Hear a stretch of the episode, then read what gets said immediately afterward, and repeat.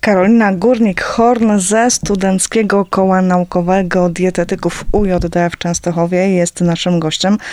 Po raz kolejny, witam serdecznie. Dzień dobry. Dziś będzie o osteoporozie. To tak też w kontekście tego, co jeść, czego nie jeść, ale to oczywiście później. Najpierw zacznijmy od tego, czym jest w ogóle osteoporoza. Osteoporoza, mówiąc w skrócie, jest y, chorobą szkieletu, inaczej kości, w przebiegu której dochodzi do pogorszenia jakości, czyli gęstości kości. Efekcie gorszego stanu naszych kości może dojść do złamania i są to takie często nietypowe złamania, do których nie doszłoby e, w momencie, gdyby tej osteoporozy nie było. Czyli wystarczy, że się przewrócimy, tak, i dochodzi do tego złamania kiedy e, spadamy z niewielkiej wysokości, kiedy na przykład się potykamy. Gdyby gęstość kości była prawidłowa, to takie potknięcie czy przewrócenie nie spowodowałoby złamania. Czyli to złamania, ale czy są jeszcze jakieś inne objawy, które mogą świadczyć o tej osteoporozie? Bardzo często objawów poprzedzających nie ma. Osteoporoza nie boli, nie daje żadnych objawów i najczęściej diagnozowana jest w momencie właśnie e, takiego złamania. Mówi się, że to też oczywiście pewien niedobór witamin, e, a niedobór witamin to z jednej strony suplementacja, ale z drugiej strony właśnie dobre odżywianie się. E, jeżeli mówimy o osteoporozie, e, którą Światowa Organizacja Zdrowia WHO uznała za chorobę cywilizacyjną, ponieważ odsetek chorujących na nią osób jest coraz wyższy, a koszty leczenia również e, coraz wyższe, musimy skupić się przede wszystkim na wapniu, odpowiedniej podaży witaminy D, czy chociażby witaminy C i cynku. Skoro mówimy o wapniu, to zawsze to pytanie, które ma swoich zwolenników i przeciwników. Jak to jest z tym mlekiem przede wszystkim? No bo tam jest sporo wapnia, a z drugiej strony mówi się, że dorośli nie powinni pić mleka. Jak to jest? Jeżeli chodzi o wapń, to najlepiej, e, znaczy wapń najlepiej przyswaja się e, z produktów mlecznych. Co jest bardzo ważne, produkty te nie powinny być produktami 0% tłuszczu, ze względu na to, że wapń lepiej wchłania się w obecności witaminy D, a witamina D zaliczana jest do witamin rozpuszczalnych w tłuszczach. Więc w momencie, kiedy takiego tłuszczu w tych produktach nabiałowych nie będzie i nie będzie tej witaminy D, ta przyswajalność wapnia również się obniża. Kolejny aspekt, jeżeli chodzi o produkty nabiałowe, to zawartość laktozy bo z produktów bezlaktozowych również ta przyswajalność wapnia jest mniejsza. Jeżeli chodzi o zwolenników i przeciwników, myślę, że znajdziemy zarówno tak samo liczną grupę zwolenników mleka, jak i przeciwników, którzy będą właśnie uznawali, że, ten wapń, że te e, produkty mleczne są dla nas szkodliwe. E, skąd może się to wziąć? Przede wszystkim może się to wziąć z coraz większego odsetka e, osób diagnozowanych z powodu alergii na białka mleka krowiego, czy osób, które w wieku późniejszym dojrzałym ze względu na problemy z trawieniem laktozy, czyli cukru mlecznego, mają różne dolegliwości, tak, żołądkowo-jelitowe. E, dlatego niektórzy właśnie mówią, że z tego powodu e, osoby dorosłe nie powinny spożywać mleka. Ale czy to oznacza, że jeżeli rzeczywiście dzieci piją duże ilości tego mleka, to no, w pewien sposób zabezpieczają te swoje kości gdzieś tam na wiek późniejszy, czy to jednak nie ma żadnej zależności? Tak, dlatego że najlepsze przyswajanie wapnia jest w okresie dojrzewania. Czyli z wiekiem, jeżeli nawet będziemy spożywać te produkty bogate w wapń, to przyswajalność wapnia z produktów spożywczych będzie się zmniejszała. Od wieku nastoletniego, kiedy ta przyswajalność jest na poziomie około 75%, do zaledwie 20-40% po już 25-30 roku życia. A co z tymi osobami, którym e, zaleca się, żeby w ogóle nie spożywały tych produktów mlecznych, nabiałowych? Jak oni mogą sobie uzupełniać ten wapń? Przede wszystkim trzeba zaprzyjaźnić się z tablicami wartości odżywczych produktów spożywczych, żeby e, mieć świadomość, gdzie ten wapń znajduje się w innych produktach nienabiałowych. I rzeczywiście jest to duży problem e, ze względu na to, że najczęściej tak nie interesujemy się tym aspektem. Po prostu, jeżeli dostajemy diagnozę alergia na białka mleka krowiego, nie wolno jeść takich produktów, e, to eliminujemy z diety. A dieta eliminacyjna nie jest dietą zdrową, jeżeli nie uwzględnimy w niej produktów zastępujących, tak, te produkty nabiałowe.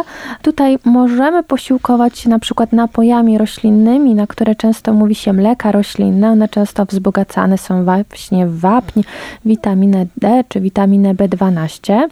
A w momencie, kiedy nie jesteśmy w stanie uzupełnić niedoborów wraz z dietą, trzeba pamiętać o suplementacji wapniem. Czy takie mleka roślinne mogą spożywać osoby, które ogólnie mają nietolerancję napojów mlecznych? Tak, jak najbardziej e, ze względu na to, że najczęściej e, przyczyną tak, problemów z trawieniem e, produktów mlecznych jest, są właśnie, jest właśnie alergia na białka mleka krowiego albo nietolerancja laktozy, której nie ma w tych napojach roślinnych. Rozmawiamy o osteoporozie. Jak Państwo widzą, wszystko się kręci wokół też diety do tego, żeby być e, zdrowym.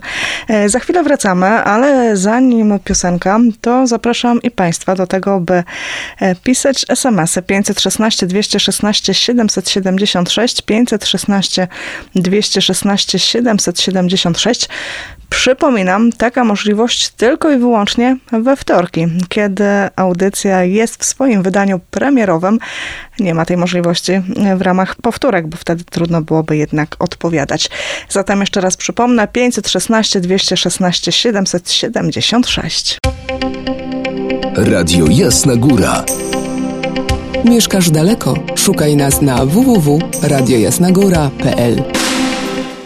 I wracamy do naszej rozmowy z panią Karoliną Górnik-Horna ze Studenckiego Koła Naukowego Dietetyków UJD w Częstochowie.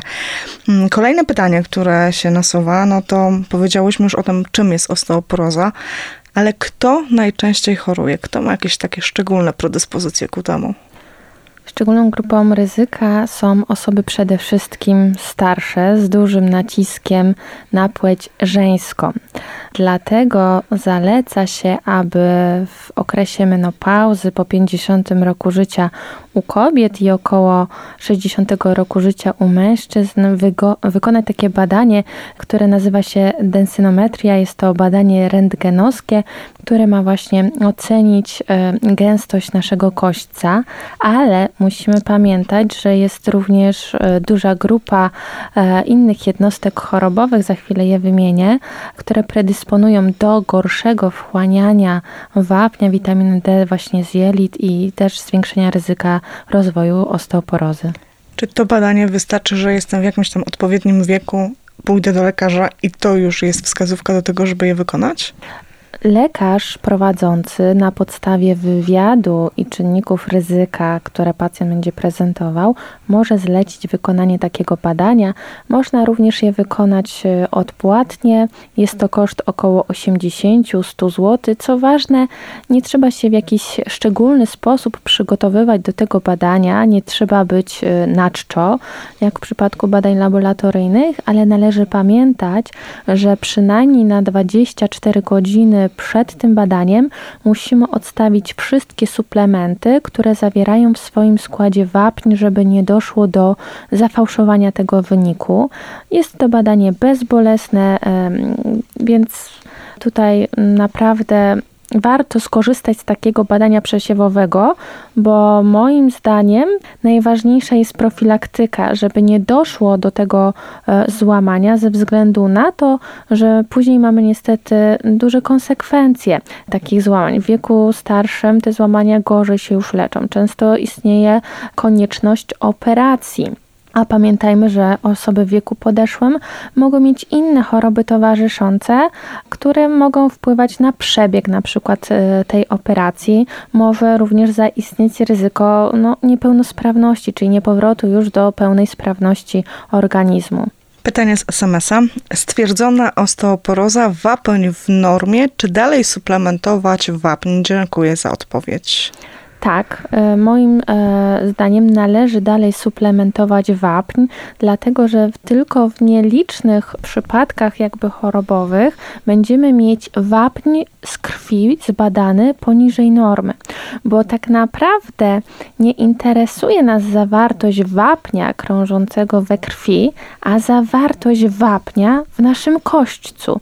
Dlatego tutaj należy wykonać to badanie densynometryczne, a nie badanie oceniające poziom e, ilości wapnia w surowicy krwi. Co ważne, badanie, które jest badaniem tak zwanym zdjęciem, nie badaniem z kości, bo to niekiedy też te obawy, że gdzieś będą jakieś kości kuli i coś nie, badali. Nie, nie, jest to zdjęcie rentgenowskie, taki po prostu rentgen. Wspomniała Pani o czymś takim, używając takiego określenia czynniki ryzyka. E, zatem czym one są, szczególnie właśnie w osteoporozie? Czynniki ryzyka są to takie czynniki, które predysponują do rozwoju danej jednostki chorobowej e, w danym przypadku. Tak? Czyli tutaj czynnikami ryzyka rozwoju osteoporozy jest przede wszystkim wiek po z wiekiem tak dochodzi do odwapnienia tych kości.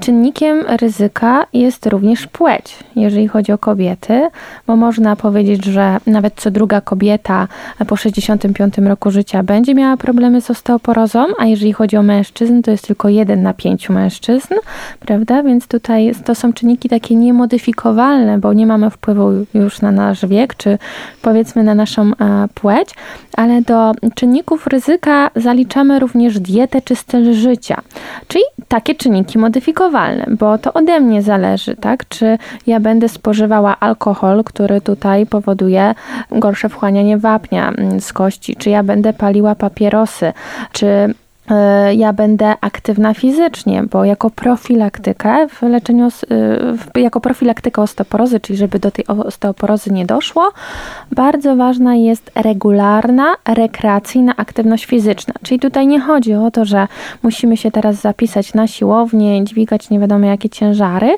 tylko chodzi o taką aktywność rekreacyjną, żebyśmy się nie bali tego ruchu e, albo odpowiednio do tego ruchu się przygotowali, jeżeli chodzi o taką porę zimową, tak? Bo wiele starszych osób obawia się wychodzenia zimą, kiedy są oblodzone chodniki, wyjścia z domu, właśnie bojąc się tego upadku i, i ryzyka złamania. Ale dbajmy jakby o naszą kondycję przez cały rok, prawda? Czyli kiedy jest możliwość bezpiecznych spacerów i wychodzenia, to powinniśmy jak najbardziej e, tutaj z takiej możliwości korzystać. Jeżeli chodzi o inne czynniki, tutaj ryzyka, to choroby takie jak na przykład y, celiakia, która związana jest y, z gorszym stanem kosmków jelitowych, e, tak, czyli pogarsza się wchłanianie.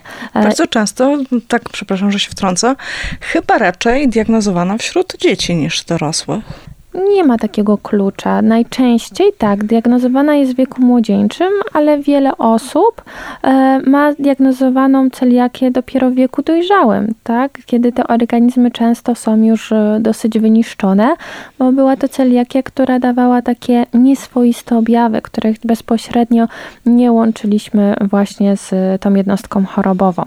Na pewno muszą uważać na osteoporozę osoby również, które mają problemy jelitowe, przewlekłe stany zapalne, zespół jelita drażliwego, wywodzający zapalenie jelita grubego, ale również osoby, które chorują na przewlekłe choroby płuc, choroby nerek, cukrzycę czy insulinooporność. To takie zaskakujące, że to te czynniki, które nie są bezpośrednio związane z układem szkieletowym człowieka, tylko zupełnie z innymi, z układem chociażby pokarmowym tak? Bo to przecież z pokarmu pobieramy te bezcenne składniki odżywcze do prawidłowego funkcjonowania właśnie tutaj i, i budowy tego kośćca. Czyli pamiętajmy e, przede wszystkim wapń, witamina D, ale również e, witamina C.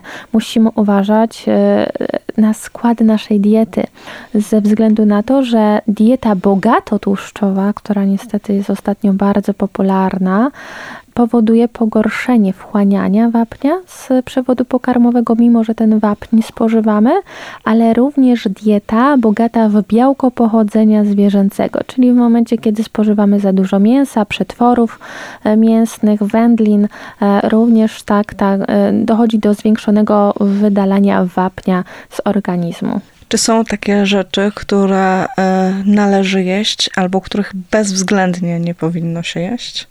Bezwzględnie myślę, że nie ma takich rzeczy, których absolutnie nie wolno, bo wszystko jest powiedzmy dla ludzi. Ja tylko uważam, że nie wolno jeść rzeczy, które są trujące i mogą powodować prawda, śmierć ze względu na trucizny, które w sobie zawierają. E, bardziej chodzi o taką racjonalność i, i takie zdrowe podejście, czyli ja od czasu do czasu coś, co leży na półce podpisane niezdrowe, mogę zjeść, tylko chodzi o to, żeby to nie było moją codziennością. Jeżeli mam w nawyku na drugie śniadanie jeść codziennie drożdżówkę czy pączka, no to możemy powiedzieć, że nie jest to e, sposób racjonalnego odżywiania, ale jeżeli ja na przykład w weekend pojadę na imprezę, tak, do y, babci e, na urodziny i ona ukroi mi kawałek torta, który jednak e, tak ma dużo cukru i śmietana tam powiedzmy jest i jakieś inne powiedzmy dodatki, no to ja mogę zjeść, tak? Bo ja nie mam w nawyku jedzenia tego torta czy ciastek tortowych codziennie do kawy na przykład w pracy. E, ale jeżeli ja dałabym te ciastka codziennie, no to musiałam powiedzieć, że no tu niestety, ale takich rzeczy nie wolno. Musimy zwracać uwagę również na produkty wysoko przetworzone, bo one oprócz energii, czyli kalorii, często e, dużej zawartości cukrów prostych i, i tłuszczów e, utwardzonych, trans, e, nie zawierają witamin, składników mineralnych, bo musimy pamiętać o tym, że jedzenie to nie tylko kalorie, białka, tłuszcze, węglowodany czy błonik pokarmowy, ale również te składniki, które nie dostarczają nam kalorii, czyli witaminy i składniki mineralne. Nawet jeżeli na takim jedzeniu, na takim opakowaniu jest napisane, że to jest z dodatkiem witamin, bo też spotykamy takie opakowania e, jakiejś żywności wysoko przetworzonej, gdzie jest napisane, że z dodatkiem witaminy jakieś tam A, C, D, tylko często taki dodatek e, sztucznych, jak ja to powiem, może witamin, tak, e, które naturalnie nie występują w takiej żywności, wiąże się z gorszą biodostępnością i przyswajaniem. To jest tak jak z suplementami. My możemy oczywiście je przyjmować, ale wchłanianie, tak, e, jest dużo gorsze niż na przykład z żywności. Dlatego tu bym była taka ostrożna i mimo, że ten dodatek tych witamin, składników mineralnych jest, to my do końca nie wiemy, na ile one się z tej żywności nam wchłoną. Czy jest jeszcze coś dotyczące profilaktyki ważne, a o czym nie wspomniałyśmy? Myślę, że Podsumowując tą profilaktykę, to będzie dieta, która będzie zawierała odpowiednią ilość wapnia i witaminy D, e, to będzie aktywność fizyczna, to będzie unikanie używek takich jak palenie papierosów czy alkohol. E, no i myślę, że tutaj kluczową rolę odgrywa również e, wiek dziecięcy i dojrzewania, kiedy my jesteśmy w stanie naprawdę zmagazynować dosyć duże ilości wapnia na kolejne lata naszego życia, no, zdajemy sobie sprawę z tego, że dieta dzisiejszych dzieci i młodzieży czasami e, znacznie odbiega tego, co jest rekomendowane do spożywania. Tak? Poza tym kwestia również e, odpowiedniej ilości snu tak, kiedy y, podczas snu wydziela się hormon wzrostu, e, który również odpowiada za mm, wzrost kości długich na długość, tak, więc tutaj niedobór snu, nadmiar telewizji, przebodźcowanie takie mediami społecznościowymi powoduje, że tutaj dochodzi też do zaburzonej gospodarki hormonalnej, co będzie się wiązało również z problemami z osiągnięciem optymalnego wzrostu u tych dzieci. To oznacza, że dajemy przyzwolenie dzieciom, szczególnie w tym okresie dojrzewania, na długie ilości, długi czas snu. Tak. To tak powinno być, że te dzieci powinny się wysypiać, regenerować organizm. No, każdy z nas chyba nastolatkiem był i wie, jak to nastoletnie życie wygląda. Było trochę o profilaktyce, było troszkę o tych objawach, o tych czynnikach ryzyka. Powiedzmy też może o leczeniu, kiedy już ktoś ma zdiagnozowaną, tak jak ten nasz słuchacz czy słuchaczka, kiedy ktoś ma zdiagnozowaną osteoporozę. Co wtedy? Wtedy najczęściej, e, drodzy Państwo, wchodzi e, niestety farmakoterapia. Ja powiedziałam niestety, bo to już są takie zmiany, których nie jesteśmy w stanie cofnąć, prawda? Jeżeli mm, objawem osteoporozy było złamanie, to bardzo często leczenie jest na przykład chirurgiczne, prawda? Do tego dochodzi farmakoterapia i odpowiednia suplementacja, plus warto zwrócić właśnie uwagę na jakość tego naszego e, odżywiania. Czyli znowu wracamy do tematu diety, do tego, żeby w odpowiedni sposób też dietą leczyć swój organizm. E, no i nieustannie wracamy do tego, że te witaminy, o których mówimy, one są taką dobrą profilaktyką na różnego rodzaju choroby. Tak, i ostatnio poruszałyśmy dosyć mocno temat witaminy D, którą wszyscy powinniśmy suplementować ze względu na nasze położenie geograficzne od 1 września do końca kwietnia, prawda? Więc tutaj też będziemy przy okazji osteoporozy o tej witaminie D mówić. Będziemy przypominać chyba w tych okresach właśnie jesienno-zimowo-wiosennych, żeby nie zaprzestać suplementacji. A jeżeli mówimy o grupie seniorów, e, to tutaj często zalecenia lekarskie lekarskie też są takie, żeby tą witaminę D suplementować nawet cały rok, prawda? Więc nawet jak wystawiamy się latem na słońce, no to ta synteza skórna tej witaminy D u osób starszych no nie jest taka efektywna jak powiedzmy u osób młodych. E, poza tym niedobór witaminy D u dzieci, e, prawda? Wiemy, że teraz witamina D ma takie wielopłaszczyznowe działanie, takie pleiotropowe, ale kiedyś uznawana była tylko za witaminę, której niedobór może powodować krzywicę u dzieci, prawda? I też często spotykam się w gabinecie dietetycznym, kiedy przychodzą do mnie rodzice z małymi dziećmi, z nastolatkami, no i kiedy pytam o suplementację witaminą D, no to rodzice odpowiadają, że o kurczę, no, no nie przyjmują, tak, że jak były małymi dziećmi gdzieś tam po porodzie, Czyli patrzmy, ile lat kolejnych nie dochodziło do uzupełniania niedoborów tej witaminy D w organizmie takiego dziecka.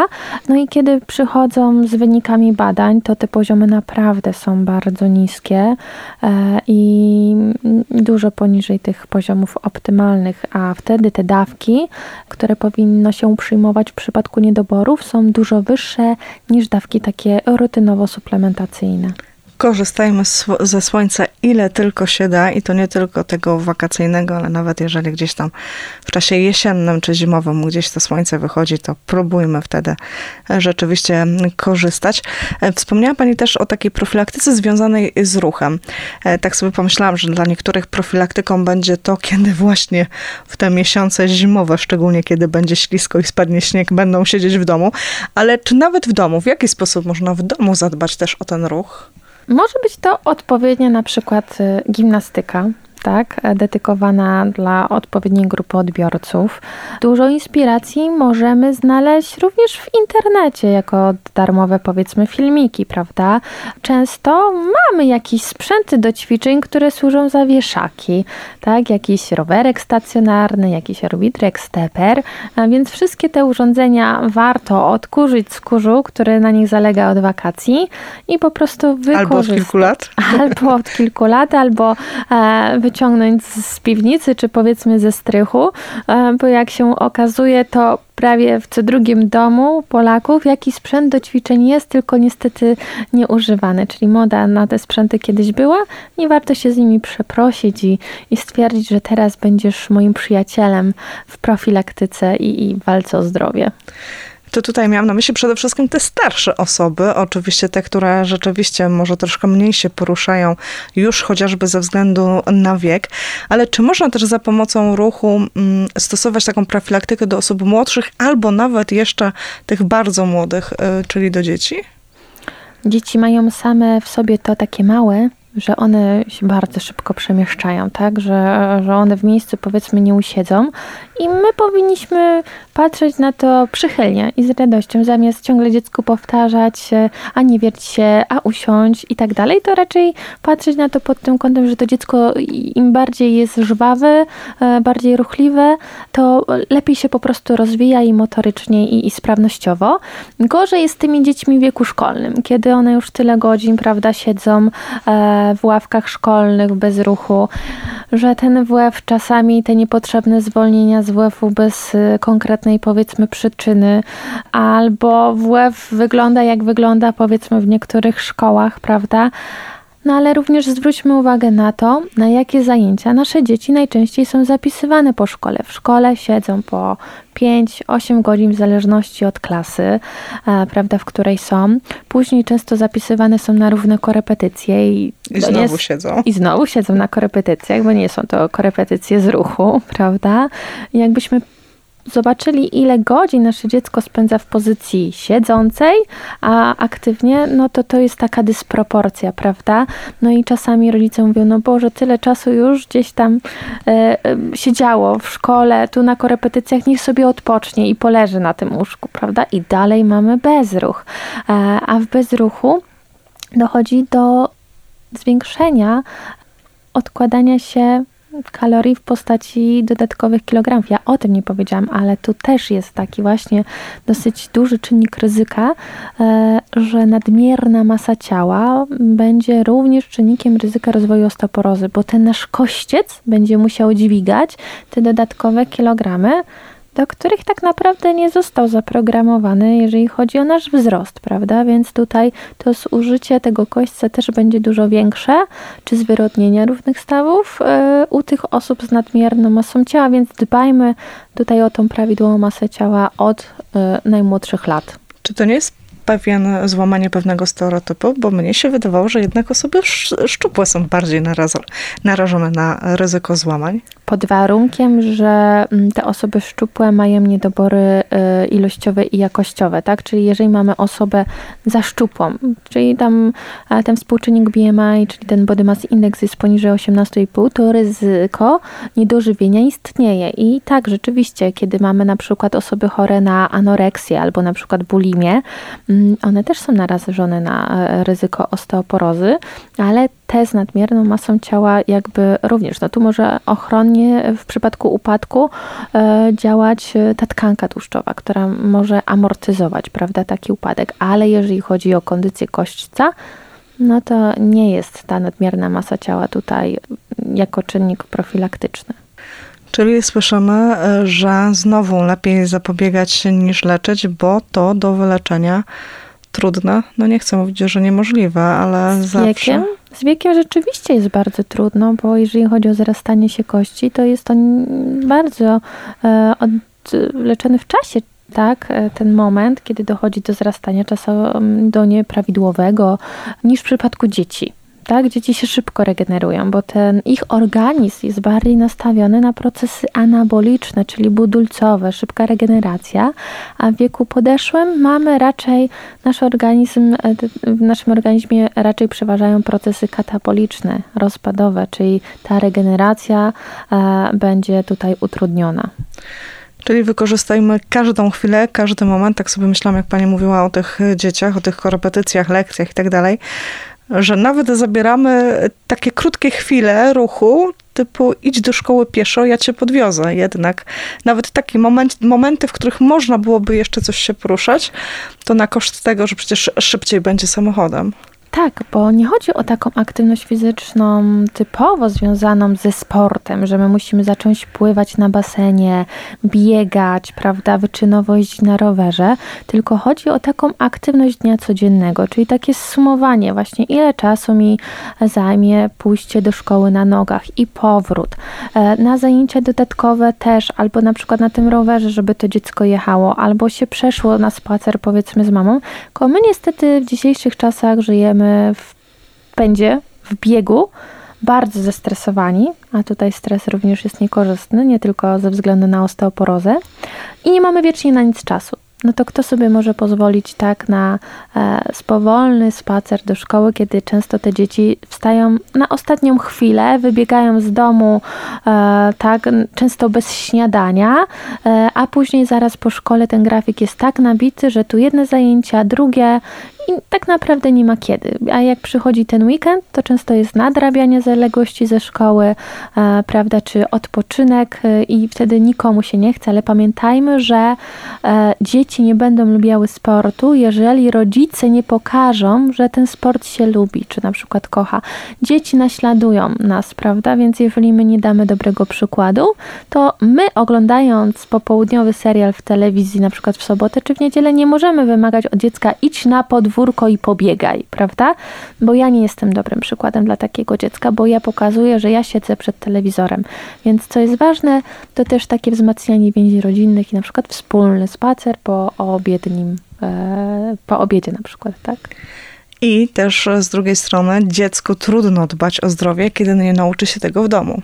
Tak, dokładnie. Nasze nawyki związane z żywieniem wynosimy na początku z domu. Później e, środowisko e, wpływa również na nasze wybory, bo jeżeli coś jest modne, coś jest zareklamowane, wszyscy to jedzą albo piją, no to ja nie, od, nie chcąc odstawać od grupy również, tak, e, będę chciała, nie wiem, udać się do restauracji, tak, z jakąś popularną żywnością dla nastolatków, czy kupić, jeżeli chodzi o skład, nie mm, zalecany napój, tak? Ale jeżeli jest reklama i wszyscy w klasie to piją, no to nie dziwmy się, że nasze dziecko również chce to wypić, ale to na nas, rodzicach, y, spoczywa taka odpowiedzialność za budowanie świadomości takiego dziecka, prawda? Więc jeżeli my nie wytłumaczymy dziecku, no to w tym momencie y, no dziecko będzie chciało, tak? Ale myślę, że już od najmłodszych lat możemy tutaj pracować, tym bardziej, że no mam, mam przypadki też dzieci właśnie, którym jeżeli się wytłumaczy, że czegoś ci nie wolno, bo na przykład to ci szkodzi,